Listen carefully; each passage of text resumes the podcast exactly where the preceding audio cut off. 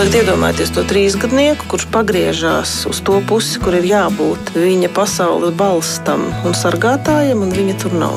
Tā ir pasaules sagrūšana. Mēs tiekamies ģimenes studijā.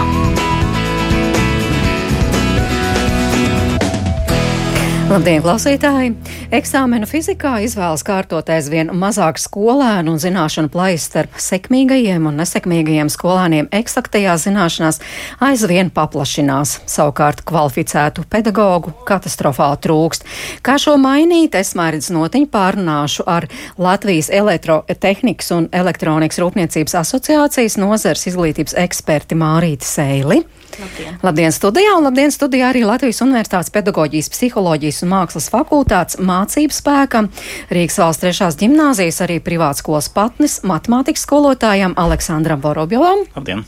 Un pa tālruni mūsu sarunā pievienosies arī draudzīgi aicinājuma Cēsvalsts ģimnāzijas direktors Oskars Kaulēns un Latvijas fizikas skolotāja asociācijas vadītāja Ludmila Belogrūdova. Bet vispirms svēršos pie Mārītas Sēles. Tātad tieši Latvijas elektrotehnikas un elektronikas rūpniecības asociācija sadarbībā ar citu ieinteresēto nozaru pārstāvjiem eh, pagājušā gada nogalē sagatavoja un nosūtīja vēstuli valsts augstākajām amatpersonām ar aicinājumu nodrošināt iespēju katram skolēnam Latvijā kvalitatīvi apgūt fiziku. Uh, kāpēc tas ir tik svarīgi, raugoties tieši no darba devēja viedokļa? Jā, raugoties no darba devēja e, viedokļa, mēs esam situācijā, ka Latvijā ir ļoti nu, daudz sekmīgu, tiešām nu, pasaules līmeņa uzņēmumu, e, elektronikas uzņēmumu vai, vai nu, dažādi ar inženierzinātnēm saistītu uzņēmumu, uzņēmumu, kuri ir uh, dilemmas priekšā, kā attīstīt savu ražošanu. Jo arvien vairāk uh, vienkāršie darbi tiek robotizēti, automatizēti automatizēti, un tās darba vietas, kas paliek uzņēmumos, ir patiešām augstas pievienotās vērtības darba vietas, kur ne tikai maksā labas algas, bet, lai šo algu nopelnītu, ir jābūt arī gana kvalificētam darbiniekam. Un, un šie uzņēmumi ārkārtīgi izjūta darbinieku trūkumu. Un līdz ar to nu, ir dilēma, ko, ko iesākt, vai ne? Vai ir iespējams šos uzņēmumus paturēt Latvijā un līdz ar to Latvijā maksāt ievērojumus nodokļus nodokļus, e, vai arī e, nu, raudzīties uz e, darbu citās valstīs, vai arī rosināt, mainīt noteikumus, lai Latvijā varētu strādāt citu valstu pilsoņi. Un, tā kā nu, šiem darba devējiem nav vienalga, kas notiek Latvijā, un ka tas nav tikai jautājums par uh, to, cik sekmīgi būs uh, uzņēmēji, uh, bija skaidri redzams, ka potenciāls, lai Latvijā varētu būt vairāk cilvēku ar tiešām augstu kvalifikāciju inženierzinātnēs vai, vai fizikālajās zinātnēs, nu, tapa aicinājums. Konkrētām lietām, ko darīt, lai Latvijā šī situācija mainītos. -hmm. Jā, mēs, protams, pārunāsim arī šīs konkrētās lietas, ko jūs ierosināt, bet faktiski darbinieku trūkst, jo, jo skolēni neizvēlas, negrib mācīties. Visbiežāk runāts par matemātiku, jūs tagad vairāk to uzsvaru liekat tieši uz dabas zinātnēm. Tātad fizika, ķīmija, bioloģija. Šobrīd nu, viens pragmatisks veids, kā saprast, cik, cik daudz skolēniem nu, vienkārši skaitliski, pragmatiski interesē, piemēram, fizika, jo, jo tātad Letera un, un saistītās organizācijas ir izvēlējušās fiziku kā prioritāro tēmu. Tad, piemēram, pagājušajā mācību gadā centralizēto fizikas eksāmenu eksāmenu kārtoja tikai 570 skolēni, neskatoties uz to, ka vairāk kā 9000 pabeidz 12. klasi. Un uh, varētu jau teikt, ka, un pie tam tikai 250 skolēni šo eksāmenu nokārtoja tiešām labi, nu, kas nozīmē, ka 250 jaunieši īstenībā ir tas skaits, pat ja viņi visi aizietu mācīties inženierzinātnes vai fizikālās zinātnes, kas, nu, kas visticamāk tā nenotiks, tad tas ir daudz, daudz par maz, lai, lai aizpildītu nu, to, to plaisu, kas ir radusies. Jo, jo piemēram, budžeta vietas fizikālajās un inženierzinātnēs bija 3500. 3500. Un tad mēs uzdodam jautājumu, kā 3500 vietas, budžeta vietas aizpildīt ar 250 nu, vai 500 skolēniem, kas jebkurā gadījumā ir, ir par maz. Jā, bet ja paskatāmies atpakaļ, tas ir daudz mazāk nekā, piemēram, pirms gada vai pirms diviem gadiem. Ar, ar katru gadu uh, skolēnu skaits, kas kārto fizikas eksāmenu, samazinās, un samazinās arī skolu skaits, kurā šo eksāmenu kārto. Un, un pagājušajā mācību gadā tādi, tādas bija tikai 44% vidusskolu.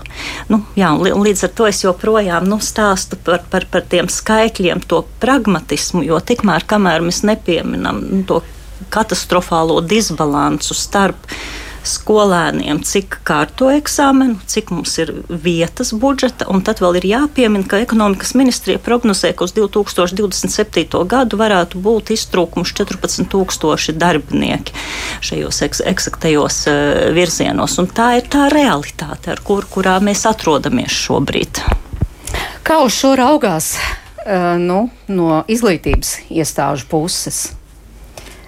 Mm, tā uh, statistika, ko Mārīta minēja, manuprāt, ir uh, patiešām satraucoša.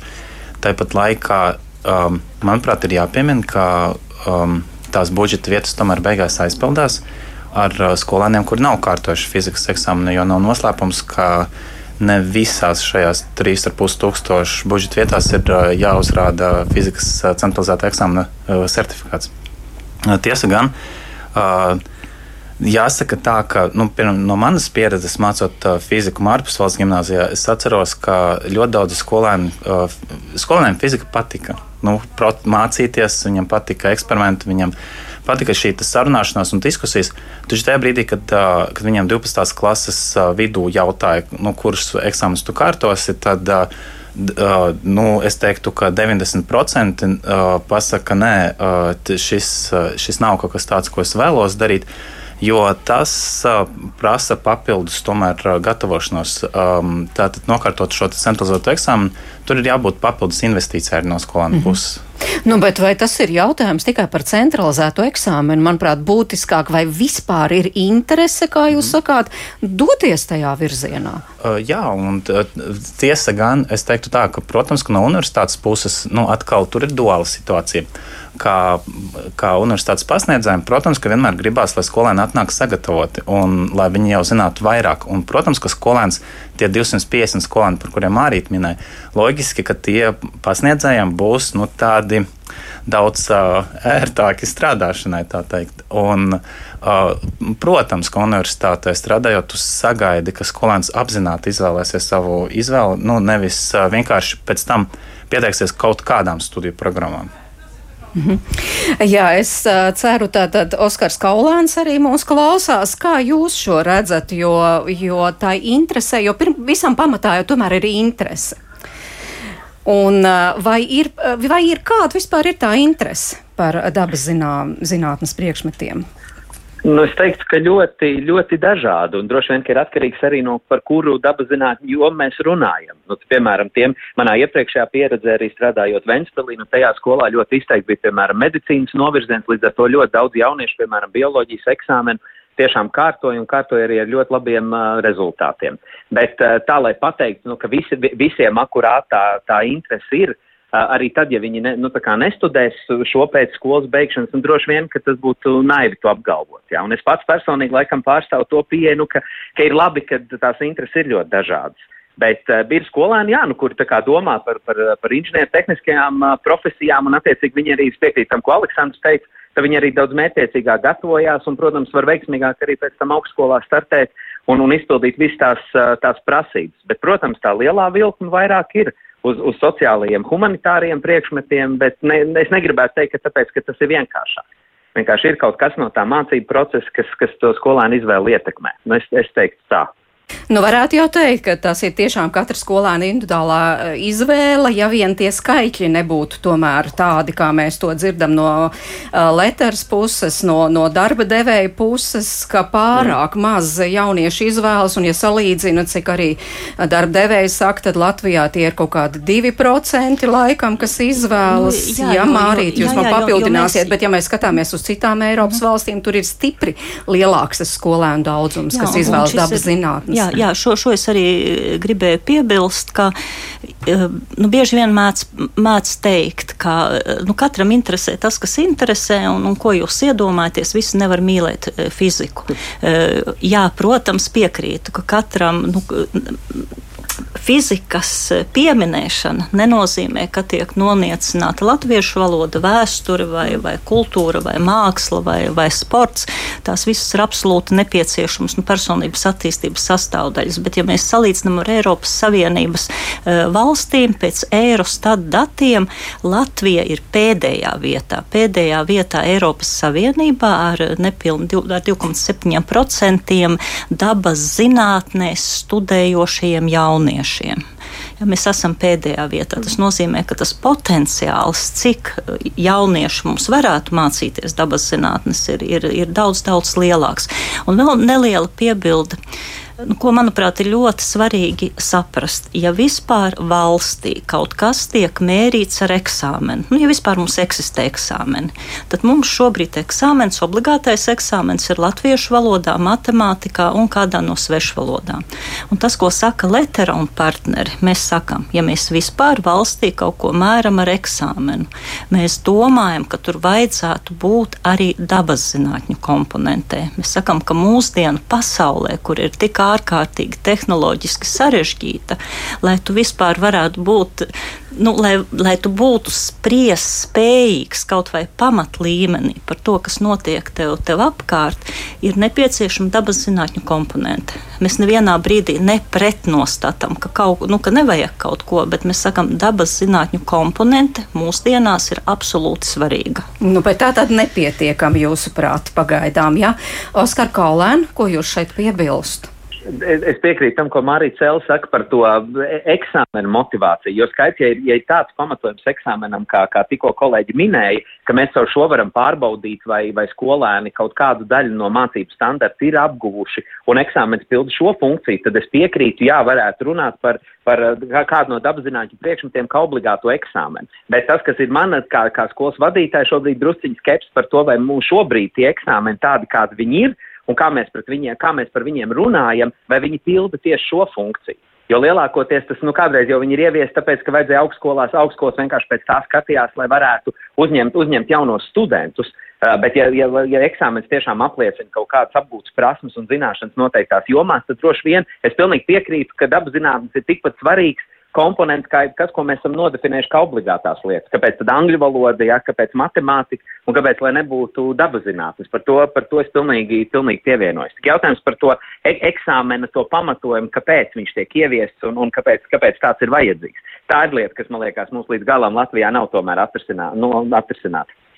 Jā, nu mēs uzreiz sākām par izcinājumiem runāt, un tiešām Letera un partneri saka, pirmā lieta, ko vajadzētu izdarīt Latvijā, ieviest obligātu eksāmenu, centralizēto eksāmenu dabas zinībās. Šī ir trešā lieta, ko mēs sakām. Trešā lieta, bet mēs tā uzreiz pieķērāmies eksāmenam. Nu labi, tad turpināsim. Viskaļākā, jā. Viskaļākā, protams, pirmā, jā. Pirmā lieta, kas ir, eh, manuprāt, viss, viss, viss svarīgākā, ir atbalsts fizikas skolotājiem. Jā, bet runāsim par to eksāmenu. Jā, labi, mēs labi, sākām, labi, lai mēs nelēkājam, labi, tagad tu šurpa turpa izrunājam visu jā, par eksāmenu. Eh, par, par eksāmenu tad vēl papildu, papildu eh, piebildi Oskars ies ieskicē situāciju ar, ar augstskolām, un šobrīd mēs esam tādā situācijā, ka, e, piemēram, lai iestātos inženierzinātņu studiju programmās Rīgas Tehniskajā universitātē, fizikas eksāmens netiek obligāti prasīts kas ir absurda situācija, kas, protams, eh, nu, dot iespēju iestāties, eh, iestāties eh, Tehniskajā universitātē, jebkuram, un arī Latvijas universitātē fizikas programmā,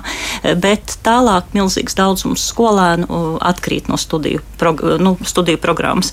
Un šajā vienošanā gan Latvijas universitāte, gan Rīgas Tehniskā universitāte ir piekritusi, ja ir centralizēts eksāmens, tad viņi prasīs kā obligātu arī skolēniem šo eksāmenu, kas nozīmē, ka jaunietim tajā brīdī, kad viņš vispār sāk domāt savu, par savu karjeru. Un, un iespējams, ka tie pirmie iediegļi noteikti jau ir kāda pat 7, 8 klase, nemaz nerunājot par vidusskolu.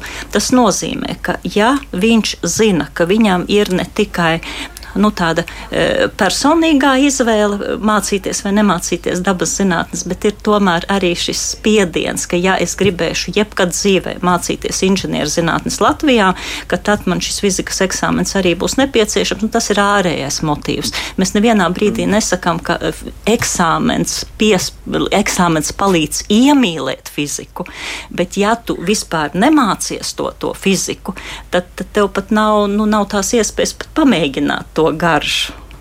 Jā, nu es gribu iesaistīt sarunā arī Latvijas fizikas skolotāju asociācijas vadītāju Ludmilu Belogrūdovu. Kā jūs uz šo skatāties, uz šo iniciatīvu? Un mēs te uzreiz runājām par to vienu no soļiem uh, par obligātu eksāmenu dabas zinībās. Kaut kad nākotnē, starp citu, tas nemaz nav tik jauns jautājums. 2015. gadā par to aktīvi diskutēja. Tur bija pat lēmums, ka 2017.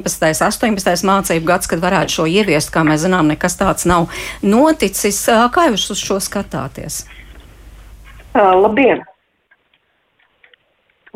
Jā, lūdzu, mēs jūs dzirdam, lūdzu. Ļoti interesanti ir tiešām klausīties šo diskusiju. Es varētu parakstīties zem katra vārda un uh, piekrist visiem runātājiem. Uh, šeit mēs uh, paralēli runājam par divām lietām - par uh, interesi un par uh, centralizēto eksāmenu. Un uh, Paldies tiešām par to, ka šis jautājums ir pagriezts tādā griezumā pacelt, jo interese ir tiešām svarīgs priekšnosacījums iesaistīšanai dažās aktivitātes, gan olimpiādēs, jo ir pierādīts, pētnieki ir pierādījuši, ka interese tieši saistīta ar panākumiem, un ir pierādīts, ka starp skolēniem ar vienādām intelektuālām spējām lielākus panākumus gūt tie skolēni, kam ir lielāka interese, piemēram, par fiziku, un kuri sevi paši identificē ar, ar fiziku. Ja? Uh, un, uh, šeit ir svarīgs moments, kā mēs to skolēnu pašidentificēšanu sekmējam un, un, un neiznīcinām. Un, ņemot vērā, kā mūsu klausās daudzi vecāki, es gribētu brīdināt gan vecākus, gan skolotājus. Ja? Pasarga Dievs jūs vecāki no frāzēm, nu, man tā fizika arī negāja, un tā mums ir ģimene, ka mums kā fizika neiet, ja? vai arī bieži dzirdēt frāzi, ka, nu, zēniem fizika padodās labāk nekā meitenēm, un uh, iespējams tieši ar šo frāzi jūs arī panākat, ka uh, zēniem tā fizika uh, iet labāk dēļ, dēļ tā, ka mēs uzreiz viņus nostādam, jā, tādā, uh, tādā pozīcijā. Bet um, uh, kas nosaka panākumus jebkurā lauciņā? Un uh, ir apgalvojums, kas ir guvis uh, pietiekami empirisko pierādījumu, ka uh, jebkurš indivīds plāno iztenot darbību, un šeit mēs runājam uh, par to, ka mūsu gala mērķis ir gan eksāmenam, gan intereses veicināšanai, ir, lai mums ir cilvēki, kas aiziet pēc tam stem lauciņā. Ja? Uh, tātad individi plāno iztenot darbību, jā. Ja vērtē to pozitīvi, ja izjūt sociālo spiedienu to darīt, un ja tic, ka viņam ir līdzekļi un iespējas to darīt. Un ko tas nozīmē vecākiem un skolotājiem? Uh, tātad ziņa, ka zinātne ir stilīgi, ziņa, ka šajā lauciņā būs darbs, būs attīstības iespējas un perspektīvas, ziņa, ka mums tevi vajag šajā lauciņā, jo tavs ieguldījums ir svarīgs, lai mēs visi dzīvotu skaisti, ja? Uh, un uh, ziņa par to, ka tu vari būt uh, sekmīgs fizikā un, uh, un tev izdosies. Un es teiktu, ka šeit ir svarīgas abas lietas. Gan sociālā spriedze par to, ka eksāmens ir jākārto, gan arī intereses veicināšana un tātad šī iniciatīva par to, ka ir uh, izstrādāti metodiskie materiāli, kas palīdz skolotājiem mērķiecīgi to interesi attīstīt. Jā, nu interese patiešām ir ārkārtīgi būtisks jautājums, ko jūs šeit pieminējāt, un tā interese jau tiešām veidojas pamatskolā, nu ne jau vidusskolā vai tad, kad tiešām ir jāizvēlas profesija, bet tieši pamatskolā, kā vispār ir tās parasti ar tās intereses veicinātājiem, dzirksta aizdedzinātājiem, proti skolotājiem.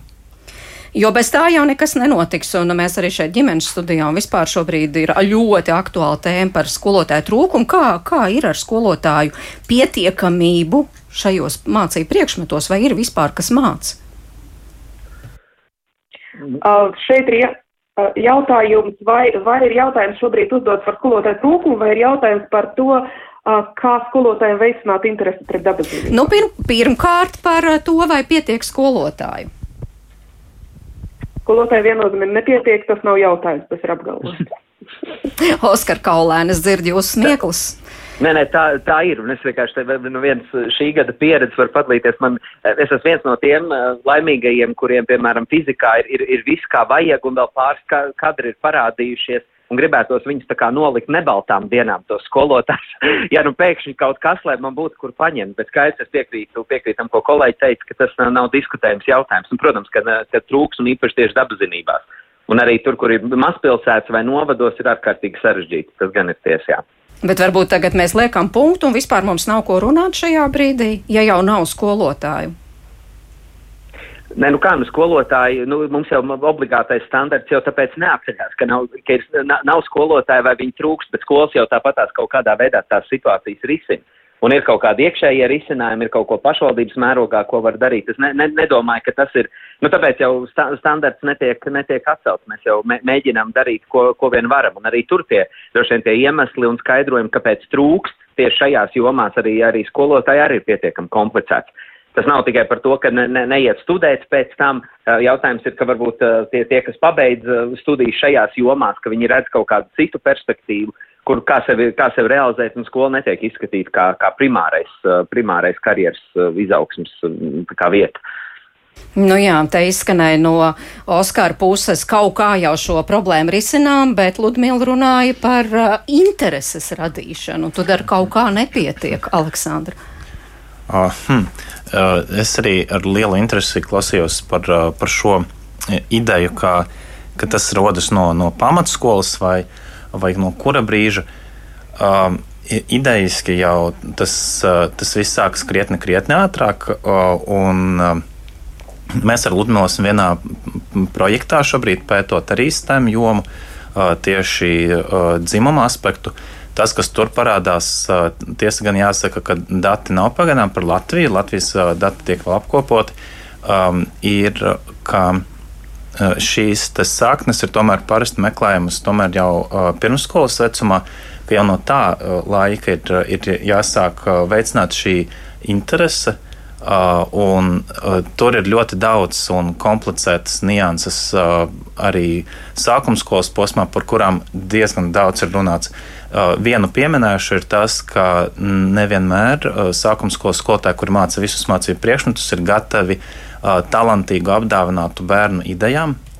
Un tā, nu, piemēram, tur skolotājs ir, bet skola var priecāties par to, ka ir nokomplektēts nu, darbinieku skaits, bet tāpat laikā šis cilvēks var nevienmēr būt kompetents un gatavs uzturēt sarunu pat ar tādu mazu bērnu. Un tad, kad šie bērni nokļūst līdz pamatskolai, kur, kur viņi formē savu turpmāko karjeras ievirzi, pat neatkarīgi no tā, vai skola ar to kaut ko dara. Tad, ja viņi ilgtermiņā konsekventi saskaras ar situācijām, kad, kad skolotājs vai nu nevar, vai nu laika taupības nolūkos, vai kā citādi neatbild uz šiem jautājumiem, kas skolēnam rodas, tad šī zinātnē pamazām noplicinās, un skolēnam nav motivācijas vairs kārtējo reizi celt roku un kaut ko pajautāt. Mhm, tātad tik elementāra lieta, skolotājs neatbild uz skolēnu jautājumiem. Kā tas vispār ir iespējams? Nu, piemēr, tas ir diezgan klasiski, kad, kad vēro stundas, pieņemsim tādu frāzi, kā mums ir jāpieturās pie plāna, vai arī šis nav paredzēts šai stundai. Un es saprotu, skolotājs no vienas puses viņus tāds tīri cilvēcīgi saprotu. Es, protams, tā nedarītu stundā. Ja, ja man šķiet, ka katrs bērna jautājums ir iespēja uh, veicināt vēl labāku un dziļāku diskusiju. Un, mm, bet nu, tās reālās situācijas ļoti dažādas. Ludmila, jūs runājāt, ka pirmkārt tā ir intereses radīšana bērnos. Jā. Nu, tad, ko Jā, jūs te varētu piebilst? Papildinot, papildinot to, ko teica kolēģi, man negribās reducēt to interesi uz kaut kādu vienu noteiktu vecumposmu, jo tā ir jābūt visu mūžu garumā. Protams, ir svarīgi, kā sākuma skolas posmā ir svarīga gan ģimenes nostāja, gan sākuma skolas skolotāju prasme. Un šeit ir svarīgi, kā vecāki kopā ar saviem bērniem darbojas kā pētnieki, kā veicina to dabas izzināšanu, jo pēc būtības, ja jūsu bērns uzdot jautājumu, kā veidojas sniegs, kā rodas varavīksne un kāpēc mēnesis nekrīt uz zemes, viņš noteikti ir dvēseles fiziķis. Jā, iedvesmojot viņu, cenšties kopā runāt par tām lietām, Sākuma skolas posmā, protams, bērniem tā zinātkāre ir izteikti uz āru, un ļoti svarīgi šajā posmā likt akcentu uz eh, eksperimentālo darbību, jā, uz pētnieciskā darbība pamatiem, ka skolēniem ir iespēja iztaustīt, uzdot jautājumus, um, sākt ar to, ko es redzu, ko es gribu uzzināt, kā es zināšu, ka es to zinu, ja? ar, tādām, ar tādiem pavisam maziem solīšiem. Bet runājot par uh, to posmu, kad uh, skolēni nonāk fizikas stundās, uh, šeit uh, ir ļoti svarīgi, ka arī šeit mēs to interesi kopjam un nepazaudējam. Un jāatcerās, ka uh, skolēniem, kā arī jebkuram cilvēkam, patīk darīt to, kas viņam izdodas. Un te svarīgi domāt par to pašidentificēšanu ar fiziku. Es atļaušos vēlreiz atgriezties pie tā, ko es teicu sākumā, jā, ka uh, šeit ir svarīgi, ka mēs nesam to ziņu, ka tev noteikti izdosies. Jā, tu, tu vari apgūt fiziku. Nedod Dievs, tiešām kā vecāki saka, ka nē, fizika nav priekš tevis. Ja? Un uh, skolotājiem man šeit būtu aicinājums īpaši sākuma posmā varbūt netik lielu uzsvaru likt uz saturu, bet piedomāt pie tā, kā mēs nodrošinām to atgrieznisko saikni skolēnam, kā mēs skolēnam veidojam pārliecību, ka, wow, nemaz nav tik traki sarežģīta tā fizika, man tā padodas, man tā patīk. Un te ir skolotāja meistarība, kā šo interesi tiešām lolot, jo uh, nav tā, ka fizika ir priekš izredzētiem. Varbūt ne visi aiziet studēt fiziku, bet uh, jebkurš to fiziku var apgūt kā zinātni pret dabu kaut kādā līmenī un justies labi tajās fizikas stundās. Par to mums ir jādomā kā skolotājiem. Jā, nu paldies arī klausītājiem, kur iesaistās mūsu sarunā. Un te mums, piemēram, Normons raksta, man puika mācās Tallinā pirmajā klasē. Tur dabas zinību stundas ar ķīmijas un fizikas eksperimentiem notiek jau pirmajā klasē. Un vēl Normons piebilst, ka šīs nodarbības notiek reizi mēnesi un visi bērni to ļoti, ļoti gaida. Un mēs tiešām zinām, ka Igauniem kaut kā labāk veicas ar tiem eksaktajiem priekšmetiem, to rāda arī pētījumi, bet rekā tas ir arī mērķtiecīgs darbs. Nezinu, uz ko lai es tagad skatos. Lūdmīl, varbūt jūs, jūs kā fizikas, fizikas, fiziķis varat šo papildināt vēl. Tas ir viennozīmīgi apsveicams, un uh, es strādājot kā fizikas skolotāja, mēs regulāri sadarbojamies, uh, kad strādāju Estopas moda vidusskola ar sākuma skolas skolotājiem, lai tiešām sniegtu atbalstu, jo tas, ko teica arī Aleksandrs, manuprāt, ka mēs nevaram sagaidīt, ka sākums skola, mēs nedrīkstam sagaidīt, ka sākums skolas skolotājs, kas pasniedz vairākus priekšmetus, ir tiešām, ka viņam ir laiks un, un iespējas piedāvāt tos eksperimentus dabazinībās, bet viennozīmīgi par to ir jādomā un tās jāsekmē, jo tieši šajā posmā šī interese veidojas pilnīgi Normundam piekrītu, ka par to būtu, būtu jādomā tiešām dziļāk. Es atgādināšu, tātad šodien pie mums studijā ir Letera nozars izglītības eksperte Mārīta Sēle, Latvijas Universitātes pedagoģijas, psiholoģijas un mākslas fakultātes mācības spēks, arī matemātikas skolotājs Aleksandrs Vorobjovs, draudzīgi aicinājuma Cēsvalsts ģimnāzijas direktors Oskars Kaulēns un Latvijas fizikas skolo, skolotāju asociācijas vadītāja Ludmīla Belogrūdova.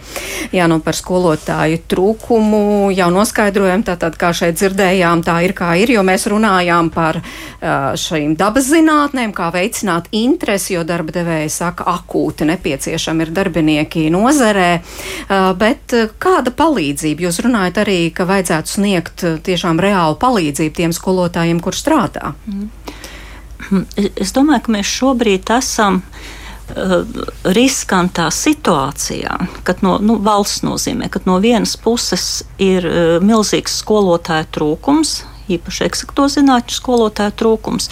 Un tad ir liels vilinājums atrast ātros risinājumus, lai ātri, ātri aizpildītu caurumus. Un tad, nu, nu, kā piemēram, ļaut strādāt skolotājiem, kas nav attiecīgi ar attiecīgu kvalifikāciju, vienkārši piemācoties eh, ļoti īsos kursos, izlikties, ka problēmas nav un aiztaisīt caurumus ar īstermiņa risinājumiem. Un, un ja tas tā notiek, tad pastāv ļoti liels risks, ka šie īstermiņa risinājumi kļūst par ilgtermiņa risinājumiem. Jo arī šobrīd īstenībā tādas ļoti, es neesmu redzējuši ļoti precīzu statistiku par to, cik mums īstenībā pietrūks skolotāju. Jo Latvijas pašvaldību savienības prezentācijā parādījās skaits 1300, ministra pēc tam minēja, ne īstenībā tur ir 500, jo tās ir slodzes, nevis skolotāji. Un, un, un tai pašā laikā, ja skolām jautā, cik jums trūks skolotāji, ļoti daudz skolas, kas saka, pie mums viss ir kārtībā, lai gan īstenībā tā nav, jo skolas savukārt baidās atklāt īsto situāciju, ar domu, tad kā uz to raudzīsies vecāki. Un, un mēs, mums ir milzīga pelēkā zona ar racionālu informāciju par to, cik mums īstenībā trūks skolotāju. Un, un, un šis ir arī.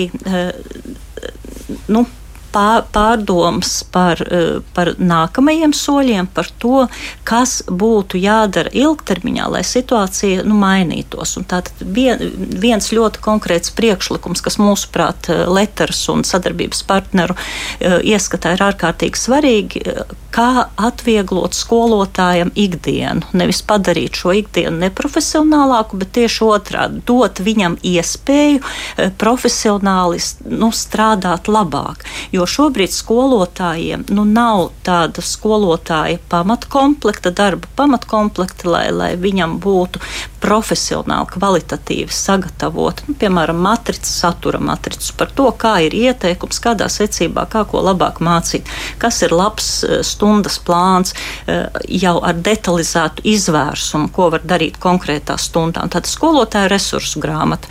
Un mēs sakam, ka šāda profesionāli izstrādāta, ilgs, ilgspējīga attīstībā esoša, es, esoša materiāli ir absolūti nepieciešami, jo citādi skolotājs, katrs skolotājs šobrīd mums Latvijā izdomā riteni no nulles. Viņš no augstskolas aiziet uz klasi un viņš sāk veidot savu mācību saturu. Tas nav pareizi. Mēs sakam, ka ir jābūt kvalitatīvam pamatmateriālam, ko skolotājs pēc tam var interpretēt un attīstīt, pielāgojoties konkrētai situācijai, bet ir jābūt tai pamatmaizītei. Mm -hmm. Ludmila, piekrītat, ka tā ir? Absolūti piekrītu, un mēs, kā Latvijas fizikas skolotāju asociācijām, uh, Leteras aicinājumu esam parakstījuši. Un uh, varu parakstīties tiešām zem uh, katra Marītas vārda, jo šobrīd, ņemot vērā to, ka ir stājies spēkā jauns standarts, jeb jaunā pieeja, uh, jauna pieeja izglītības saturam, jāiet tā saucamais kompetenci projekts, es saņēmu ļoti daudz vanus no skolotājiem, un skolotāji uh, ir neizpratne par to, kā man mainīt savu ikdienas praksi, lai es būtu pārliecināts, ka es tiešām esmu kā skolotājs efektīvs vai ka es tiešām realizēšu šo standartu. Un uh, šobrīd sanāk tā, ka mums nav tā kā obligāts mācību literatūras, ja, tad grāmatu metodisko līdzekļu rakstīšana ir nodota faktiski, nu es teiktu, pašplūsmā, pašu skolotāju rokās. Ja? Bet ņemot vērā, cik uh, ļoti skolotāji ir aizņemti, viņam ir liela slodze, Viņam ir daudz, daudz pienākumi, un viņam arī jāpelna nauda, lai nodrošinātu savas ģimenes. Šobrīd ir tā, ka ir maz, ļoti maz tie skolotāji, kuri ir spējīgi izstrādāt mācību līdzekļus, un izstrādāt mācību līdzekļus šobrīd Latvijā finansiāli nav efektīvi.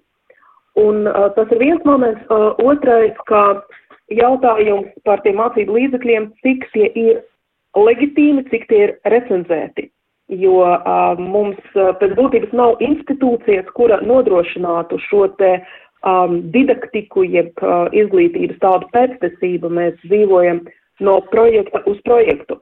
Un šai sakara ir ļoti svarīgi, ka mēs skolotājiem dodam, neierobežojot viņu brīvību izmantot tos materiālus, kuri viņi vēlās izmantot, jo materiālu jau ir ļoti daudz. Un tur tas moments, ka vienā brīdī tā brīvība, ko mēs dodam skolotājiem, hei, paskaties, tu vari izvēlēties to, to un to un tādu resursu un tādu resursu. Šī brīvība pārvēršas pār nenormālo darba slodzi, jo skolotājiem jāpaskatās šīs video, jāpas, jāizpēta tas resurs un tas resurs, un uh, mēs tarificējam pēc MK noteikumiem skolotājiem sešas minūtes, lai sagatavoties stundai. Nu, būsim realisti, ko skolotājs par tām sešām minūtēm var izdarīt. Ļoti maz, ja? Un tāpēc jā. es absolūti piekrītu, ka ir svarīgi nodrošināt tādu pamatu komplektu, ka skolotājs, jebkurš skolotājs, ja, ir tomēr gatavs ieiet stunda un viņam ir kaut kāds uh, validēts kompleksu, ko izmantot. Par to Lieturai paldies tiešām. Uh, klausītājs Normons, nu tā kā izbrīnīts, bet kur tad ir problēma radīt pamatbāzi, Aleksandra? Uh, hmm, tas ir uh, darba, res, es domāju, ka tas ir resursu jautājums. Uh, tāpēc, ka pat labi no skola 2030 puses ir, uh, es teiktu, kaut kādi materiāli, nu vismaz uh, matemātikā, kur esmu iecinājis vairāk, un um, kaut kas mazliet vairāk ir padziļinātiem kursam, kas priecē. Uh, pamatkursam pat labi uh, visi uh, aptuveni tūkstoši uh, matemātikas skolotāji Latvijā uh, Uh, nu, kā jau Mārīte teica, sēž un, un katrs izgudro šo riteni, jo uh, it kā nu, no vienas puses tas, kā mēs darījām pa vecam, ir skaidrs, ka tas nu, nav efektīvi. Mēs Eiropas kontekstā izskatāmies uh, viduvēji un tā tālāk.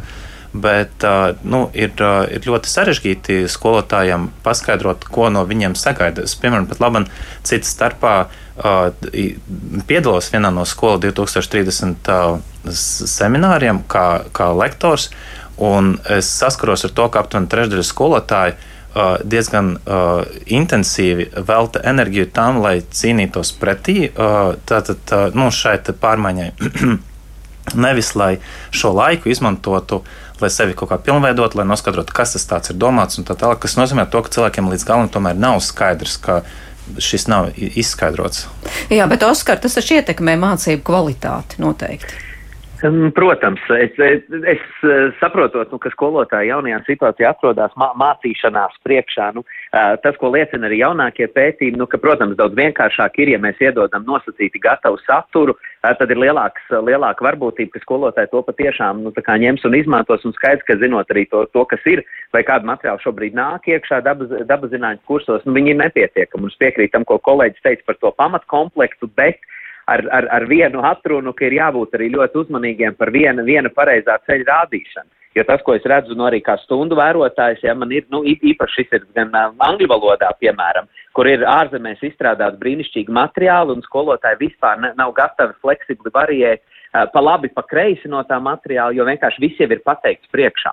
Ja to materiālu var uzbūvēt tā, ka man tomēr kā skolotājiem ir iespēja tur kaut kā navigēt viņā, bet man ir parādīts tas nu, nosacīti pieņemamais ceļš, un man stiprina pārliecība, ka jā, tad es darīšu pareizi, ja es atkārtošu šādu pašu pieeju, tad tas viennozīmīgi var palīdzēt uh, skolotājiem. Bet tas, kas gan, un, un to es atkal kā direktors un kā skolotāji tālāk izglītotājs saku, nu, mums tomēr ir tas potenciāls arī skolotājiem pašiem tomēr kopā kaut kādas lietas darīt. Jo tas, kur ir viennozīmīgi pilnīgi bezjēdzīgs resursu izšķiešana šobrīd, ka katrs skolotājs pats ar saviem spēkiem mēģina visus materiālus saradīt, un, un tad viņas īstenot, bet mums pietrūkst arī tādas ļoti mērķiecīgas tīklošanās, kur mēs īstenībā kopā varam to pieredzi saliek, saliekot, kaut ko radīt, bet tas ne, neatceļ to, ka vajag, ka nu vajag kaut kādu piemēru, paraugu vai, vai nu, sauksim to par pamatkomplektu, kas var palīdzēt man kā skolotājiem labāk īstenot šo jauno pieeju. Tam es pilnīgi piekrītu. Jā, nu vēl jau vairāk, ja runājam piemēram par fiziku, par ķīmiju, tomēr ir vēl papildus eh, šī eksperimentālā bāze, tātad kabinetu aprīkojums, kas arī vai nu uzlabo vai pasliktina mācību kvalitāti. Jo es atceros eh, pagājušā mācību gada beigās šeit ģimenes studijā viesojās eh, Rīgas valsts trešās ģimnāzijas direktors Andris Priekuls un vērtējot šos pārbaudas darbu rezultātus pamatskolā, viņš tieši uz uzsvēra, ka tā kā mēs atceramies, tad pagājušais mācību gads mācīšanās attālināti, tad ar matemātiku citiem mācību priekšmetiem ir veicies ok, vismaz viņa gimnāzijā, bet tieši ķīmija un fizika ļoti problemātiski, jo to nevar darīt bez, bez šīs eksperimentālās bāzes. Par eksperimentiem eh, man, man ir ko teikt, bet es domāju, ka Ludmila būs īstais cilvēks, kam šo pajautāt, lai ir uzticamāks avots eh, fizi, fizikas skolotājs. Es tikai gribēju piebilst par tiem uh, mācību materiālu pamatkomplektu, ko Oskars, Oskars minēja. Manuprāt, šāds, šāds profesionāli izstrādāts pamatmateriāls, ar ko skolotājs var pēc tam variēt, ir nepieciešams arī nevis, lai pazeminātu skolotāja kompetenci, bet tieši otrādi, lai pasvītrotu, ka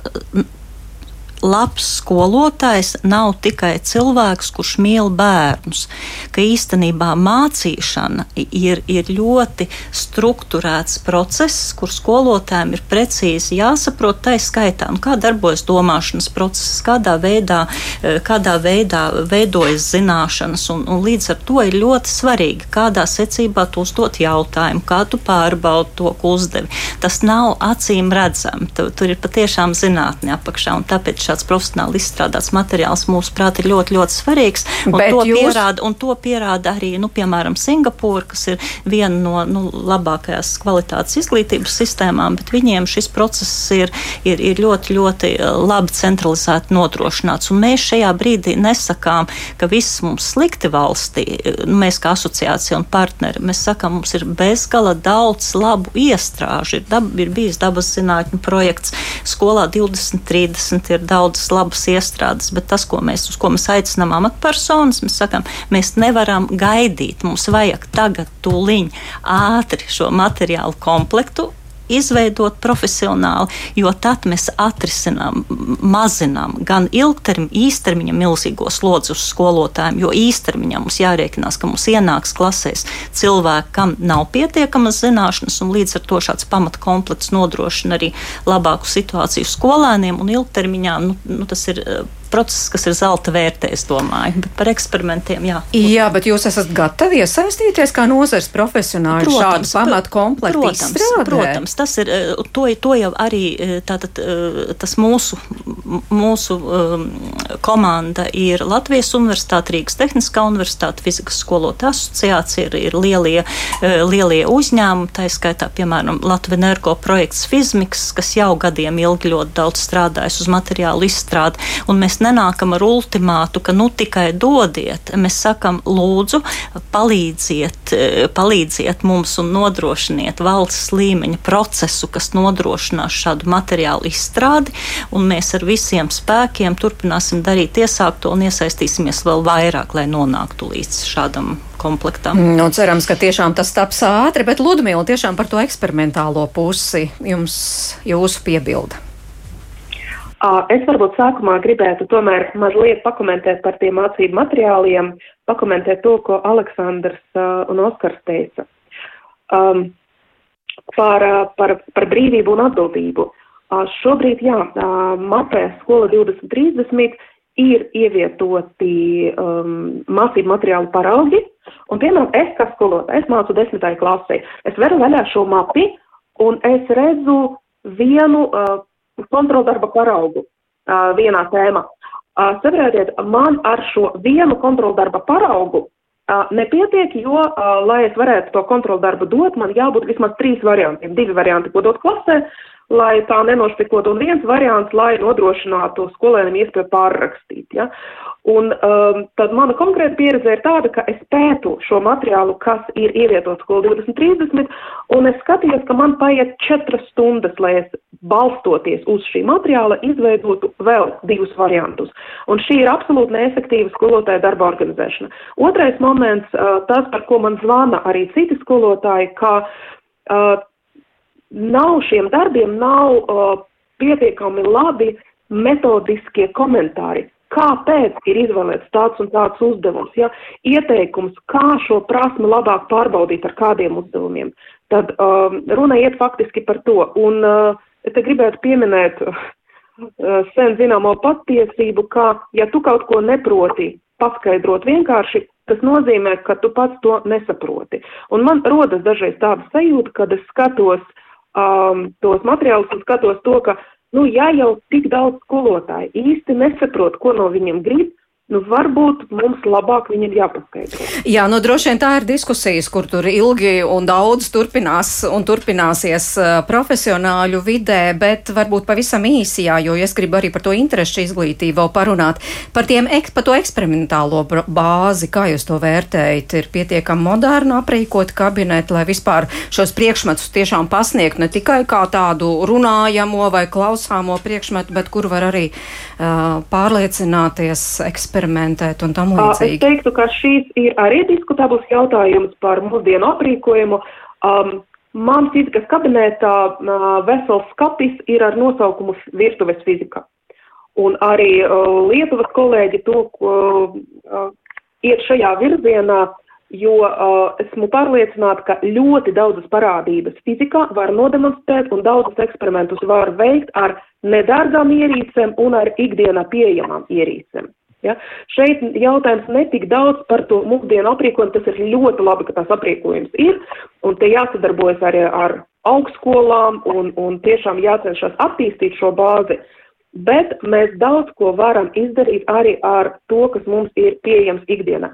Šeit ir jautājums par ne tikai par skolotāju kvalifikāciju, bet, protams, arī par to, vai tām fizikas skolotājiem mums ir laborants jo mēs jau nevaram pieprasīt, kā tas fizikas skolotājs, kam ir slodze apmaksāta tāpat kā, piemēram, cita priekšmeta skolotājiem, ka papildus vēl viņš ieguldās tajā, lai sagatavotu to visu aprīkojumu, to demonstrējumu novadīt, jo tas ir ļoti liels papildus darbs.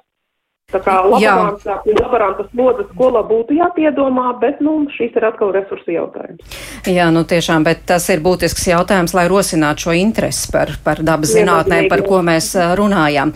Bet tiešām Letera ļoti tā konstruktīvi piegāja un, un piedāvāja arī risinājumus. Es atgādinu, tātad viens no risinājumiem, ko piedāvāja nozara profesionāļi uh, atkal skolās, lai būtu šis obligātais uh, eksāmens, nu vai nu fizikā vai kādā no citiem dabas zinātņu priekšmetiem. Otrs bija par mācību bāzes sakārtošanu, lai tiešām uh, skolotājiem, kur strādā šajā nozarē, būtu vieglāk strādāt. Un trešais ļoti interesants, es citēju. Uh, lai skolēniem visā Latvijā būtu iespēja piedalīties tehniskās jaunredzes nodarbībās, tātad interešu izglītībā, tikpat lielā mērā kā dziedāt korī vai dejot deju kolektīvā. Un pašlaik tikai apmēram 5% no visiem interešu izglītības dalībniekiem apmeklē tehniskās jaunredzes pulciņus.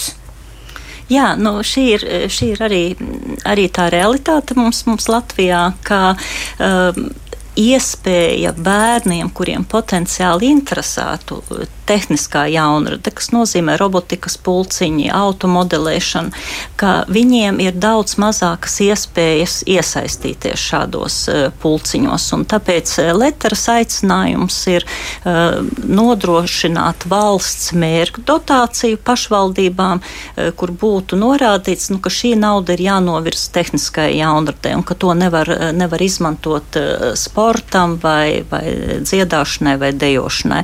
Atkal nekādā veidā nepret nostatot šīs dažādās nodarbes, kas visas ir ļoti labas un svarīgas, e, bet mēs sakam, ka proporcija, kas ir pieejama tehniskai jaunratē, ir daudz par mazu. Nu, bet kā jūs to, kā, kā to varētu mainīt?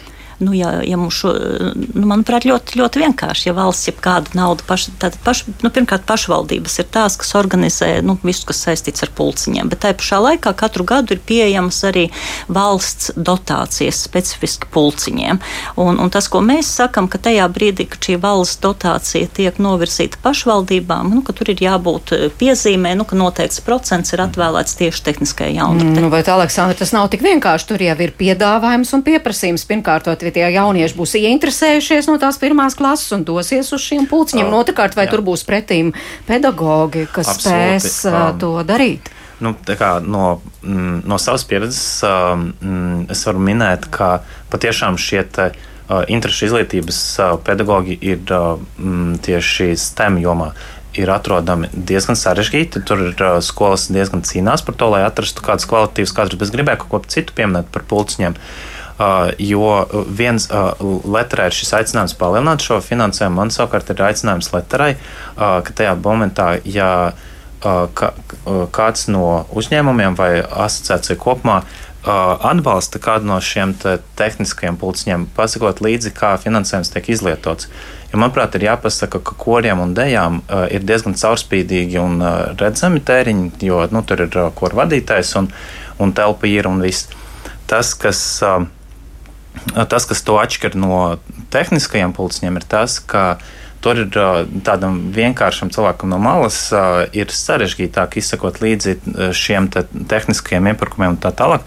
Es zinu konkrētus gadījumus, kad arī ar Letras atbalstu notiek kāds labs pasākums talantīgiem bērniem, bet daļa finansējuma aiziet piemēram uz rozā iPhone cilvēkiem, kas administrē šo finansējumu. Tur būtu ļoti jāskatās. Uh, līdzi, lai šī labā lieta aiziet līdz skolēniem. Mm, no, es ceru, ka tur ir kāds, kas skatās līdzi, bet tā kā pedagogu pietiktu.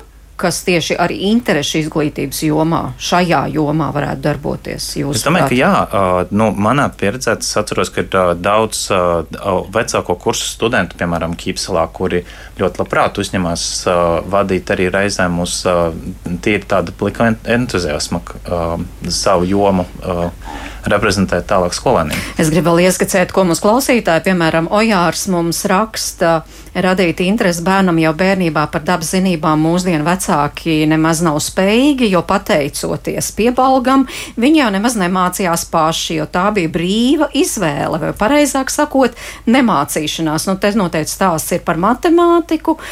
Mums Daniels raksta problēmu skolotāju trūkumam ir tikai viena atalgojums, gadu pastrādāja par ķīmijas skolotāju, bet sapratu, ka par tik mazu samaksu un lielu noslodzi neesmu gatavs strādāt, izdegu un tagad strādāju privātajā sektorā. Savukārt, piemēram, Jānis raksta, es vēlējos studēt Latvijā bioloģiju un inženieriju, bet universitātes Latvijā nevar piedāvāt konkurēt spējīgu augstāko izglītību. Inženieriju mācījos Nīderlandē un maģistru Zviedrijā. Fizikas eksāmenu vēlējos kārtot, bet sapratu, ka ārzemēs man tas nebūs nepieciešams.